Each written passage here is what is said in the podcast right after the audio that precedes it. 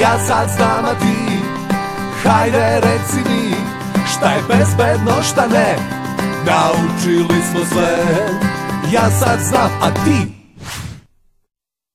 Da bismo odabrali sport koji je najbolji za nas, ipak je potrebno malo vremena. Da li ste znali da je čuveni teniser Roger Federer oprobao čak više od 10 različitih sportova, dok nije shvatio da je tenis najbolji za njega? Ne očajavajte ako još uvek ne znate koji je sport najbolji za vas, ali oprobajte se u više njih kako biste doneli što bolju odluku. Juče sam gledao kako je Đoković majstorski pobedio i rešio sam. Preći ću na, da treniram tenis. Šta ti to pada na pamet? Pa zar ti ne treniraš futbol? Treniram, ali me je smorilo što me trener uvek ne ubaci u prvu postavu šta da ti misliš, možeš tek tako se prebaciš na neki drugi sport. Pa to bi bilo isto kao bi se ja prebacila s kickboksa na balet. Sutra maši da mi ja s tobom na trening. Važi. Pa šta ste zapeli? Ja, ja se i onako bavim sportom. U kondiciji sam. Pa šta, to što si u kondiciji ne mora da znači da ćeš da budeš dobar tenisor. Mogu ja sad za sebe da kažem, e, dobar sam futbaler, pa ću sad biti dobar košarkaš kao Jokić ili recimo, ne znam, da budem atletičar, da, da preskačem dobro prepreke kao dudaš. Upravo je strahinja, ne leži svakom svaki sport. Treba bi možda se konsultuješ sa doktorom. Da li starost na uzrast ima utice na to čime ćemo se baviti koliko dugo? Na ovo pitanje odgovor je malo složeniji. E, ne utiče samo uzrast, nego i zdravstveno stanje E, znači ne samo životna dob, nego i zdravstveno stanje i potrebe neke organizma. Mi smo različito građeni ili obavljamo različite poslove. Pa nam sport treba da nas odmori.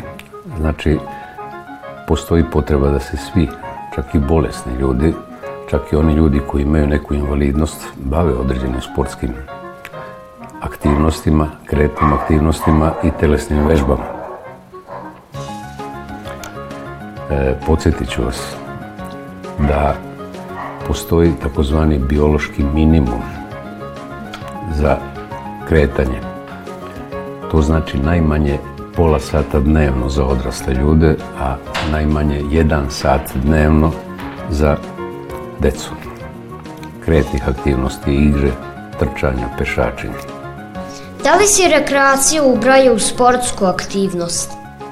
Da vas podsjetim, šta je fizička kultura. Tu postoji naša pretpostavka da je fizička kultura samo bavljenje sportom. Međutim, oblici fizičke kulture su fizičko vaspitanje, takmičarski sport, sportska rekreacija i kineziologija, kineziterapeutske vežbe. To, je, to su vežbe za očuvanje ili za poboljšanje zdravlja ljudi koji već imaju problema sa zdravljem nekada i za zdrave ljude treba nešto malo kineziterapije, na primjer vežbi da se popravi držanje tela, posebno kod mladih. Kako se postaje sportista? Pa vidi ovako, e, sportista se postaje postepeno od ranog detinjstva. Pravi sportisti nastaju u porodicama koje su vaspitane u sportskom duhu, koje imaju i fizičku i opštu i zdravstvenu kulturu postepeno se ulazi u sport. Pritom, takmičarski sport je jedna stvar, a fizička kultura protkana sportom, telesnim vežbama, kretanjem je nešto pomalo drugačije što je potrebno svakom čovjeku. Neophodna je i jutarnja gimnastika. To ti namerno govorim jer nije dovoljno. Većina sportista misli da je dovoljno ići na treninge tri puta nedeljno, pet puta nedeljno igrati utakmice pogotovo u kolektivnim sportovima, trener mora da vas gleda u odnosu na tim i da vas trenira za timske potrebe, taktički, tehnički i tako.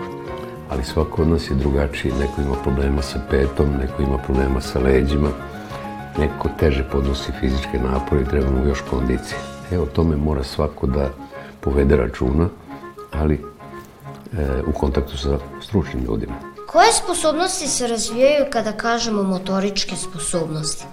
Spretnost, gipkost, izdržljivost, brzina, snaga. To su motorička svojstva čovjeka i ona mogu da se treniraju, mogu i deca da ih treniraju, ali u određenim životnim dobima. Znači, ne može se sve odjednom, počinje se od početka, počinje se od rođenja. Koji su to bazični sportovi? To je atletika, u stvari elementi atletike. To su plivanje, to su takozvani bazični sportovi. Međutim, tu može da se ubaci i sportski ples, folklor, elementi baleta, elementi borilačkih sportova. Postoji sportovi igara gde se polako stvaraju sportske škole. Ali cilj u tim godinama je u stvari da se desi sportsko vaspitanje sa fizičkim i zdravstvenim vaspitanjem. Kako da odaberemo pravi sport koji nam odgovara? Prvo, treba razvijati interesovanja i treba uz roditelje probati.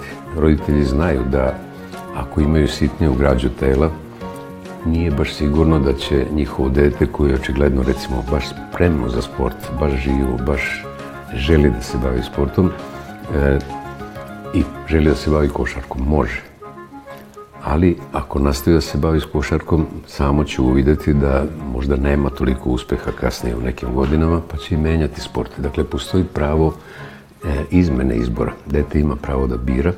Ovaj period je period učenja, otkrivanja sveta i otkrivanja sobstvenih sposobnosti.